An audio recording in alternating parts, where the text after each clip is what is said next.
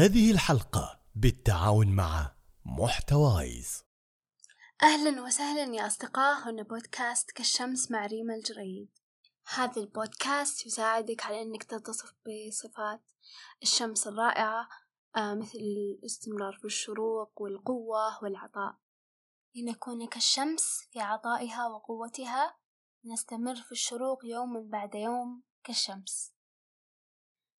من يوم تقريبا كبرت وبديت أصوم رمضان وأنا للأسف كانت دايما فكرة رمضان عندي أو إن شعور إن رمضان قرب كانت سيئة للأسف بسبب العادات والتقاليد اللي إحنا صرنا نسويها في رمضان خلت الناس أو بالأخص يعني البنات والحريم يشيلون هم رمضان وصار بالنسبة لهم شهر رمضان شهر متعب. اليوم في هذه الحلقة أبغى نغير نظرتنا عن رمضان خاصة إحنا البنات. نتكلم عن الكثرة في الأكل في الصيام وغيرها من هذه الأشياء عشان نعرف فضل رمضان أكثر ونعرف إيش الحكمة أن ربي أمرنا بالصيام. طيب لو نتساءل أول شيء إيش الحكمة من آه صيام رمضان؟ في كثير ناس أو انتشر عندهم هذا الاعتقاد أنه والله إحنا نصوم رمضان عشان نحس بالفقراء. ولو كان هذا الكلام صحيح كان ربي ما أمر الفقراء برضو بالصيام لكن الصيام له حكمة ثانية آه، غير هذه الحكمة. يقول لك هنا الحكمة من الصيام أن فيه تقديم رضا الله على النفس والتضحية بالوجود الشخصي بالامتناع عن الطعام والشراب وبالوجود النوعي بالإمساك عن الشهوة الجنسية وذلك ابتغاء وجه الله وحده. الذي لا يتقرب لغيره من الناس بمثل هذا الأسلوب من القربات ومن هنا كان ثوابه عظيما. يقول النبي محمد عليه الصلاة والسلام كل عمل ابن آدم يضاعف الحسنة بعشر أمثالها إلى سبعمائة ضعف. قال الله تعالى إلا الصوم فإنه لي وأنا أجزي به يدع طعامه وشرابه وشهوته من أجلي رواه البخاري ومسلم. ومن فضل الصيام عند الله قال النبي محمد عليه الصلاة والسلام ثلاثة لا ترد دعوتهم الصائم حتى يفطر أو حين يفطر والإمام العادل ودعوة المظلوم. رواه أحمد.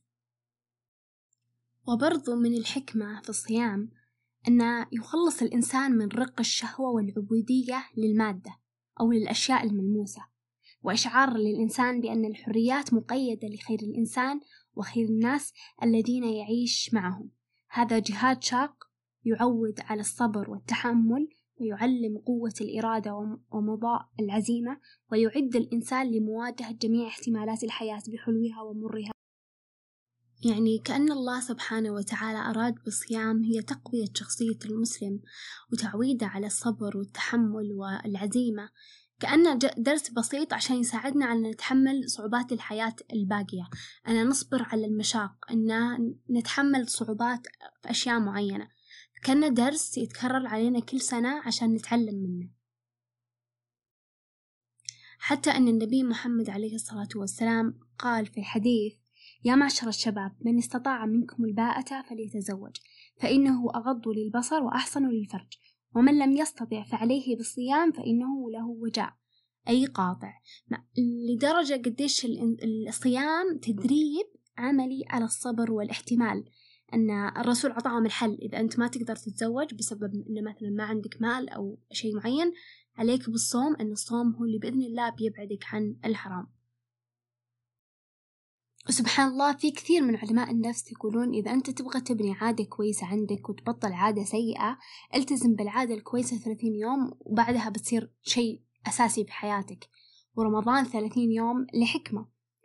معناته أنك حتى تقدر تمارس عادات من من عبادات معينة من صلاة الليل من صدقات من أشياء بتتحول عندك إلى عادة وبإذن الله بتحاول إنك يعني إذا مارستها طوال الشهر أن تحولها لعادة تمارسها طوال السنة. هذا غير الفوائد الصحية للصيام. اللي الحين الأجانب جوب بشيء اسمه الصيام المتقطع عشان لخسارة الوزن أو للحفاظ على الصحة. لكن الله شرع لنا صيام رمضان وبرضو صيام أيام البيض وصيام يوم إيه ويوم لا. ومن فضل رمضان تأمل معي هذه القصة كيف أن رمضان واحد تدركه أنت في عمرك يغير منزلتك في الجنة. روي أن رجلين قدما إلى الرسول عليه الصلاة والسلام وأسلما فكان أحدهما أشد اجتهادا من الآخر وغزا واستشهد بينما الآخر مكث بعده سنة. يعني تخيلوا أنه كان مجتهد في العبادات وغزا مع الرسول عليه الصلاة والسلام واستشهد يعني مات شهيد. وبعده بسنة مات الشخص الآخر وصارت منزلة الشخص الآخر اللي مات بعد سنة مع أنه ما مات شهيد أعلى منزلة من الشهيد. لما سئل الرسول عليه الصلاة والسلام قال أليس قد مكث هذا بعده سنة؟ قالوا بلى. قال أو أدرك رمضان؟ فصام وصلى كذا وكذا من سجدة في السنة. قالوا بلى. قال الرسول عليه الصلاة والسلام فما بينهما أبعد مما بين السماء والأرض. ولهذا كان يكثر الصحابة من الدعاء أن يبلغهم الله رمضان لأنه شهر علو المكانات ورفع الدرجات. أنا صراحة مرة يحزني لما أشوف ناس معتبرين رمضان شهر أكل ويقولون مثلا إنه والله وزننا زاد في رمضان. مع العلم كل الفضائل والحكم الرائعة اللي ربي آه، شرع رمضان بسببها. فصار كثير ناس يتركون كل هذه الفضائل كل هذه الأشياء العظيمة من ختم القرآن وغيرها ويركزون على الأكل في رمضان. صار أكبر اهتمامنا إنه أن السفرة تكون جاهزة مع أذان المغرب وإن الكل مجتمع وإن طيب ما قلنا في ما في مشكلة إن الشخص يجتمع مع عائلته ويفطر بس ليش القلق والتوتر عشان الأكل؟ هذا أشوفه موضوع جدا مزعج وليش ما نغير تفكيرنا؟ يعني يصير الموضوع بساطة.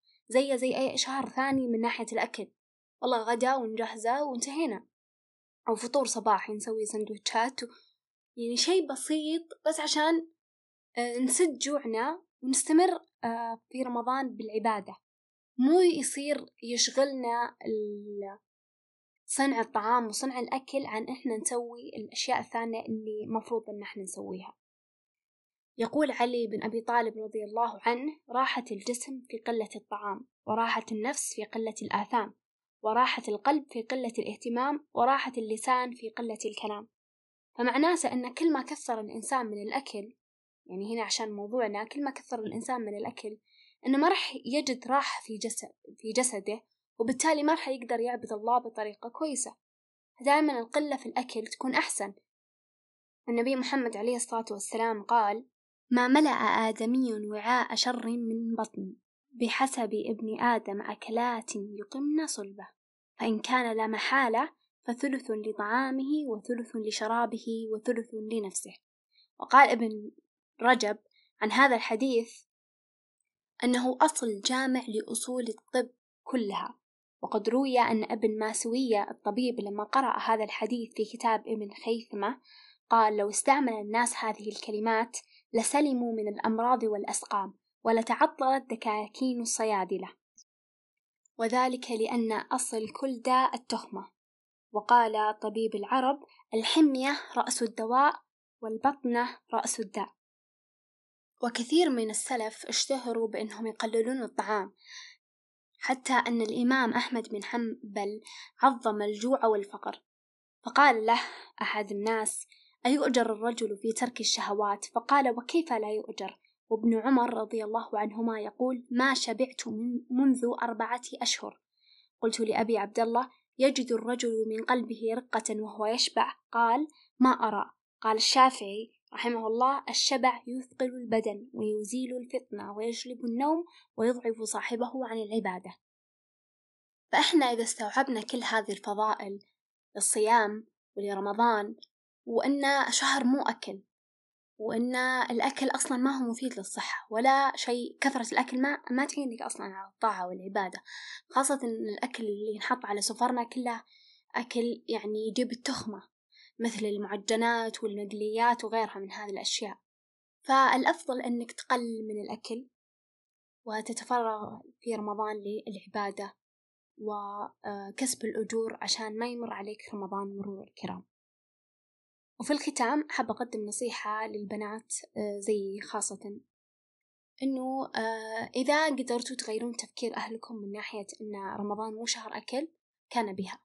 إذا ما قدرتوا آه رغم كل الضغط والتوتر اللي إحنا بنحس فيه دائما كل شهر حاولوا قد ما تقدرون تحتسبون أجر تفطير الصائم آه وبإذن الله ربي بضاعف لكم الأجور وبيساندكم على آه يعني ويقويكم على الاستمرار في هذا الشهر.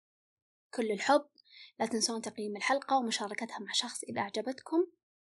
نلقاكم بإذن الله في الحلقة القادمة.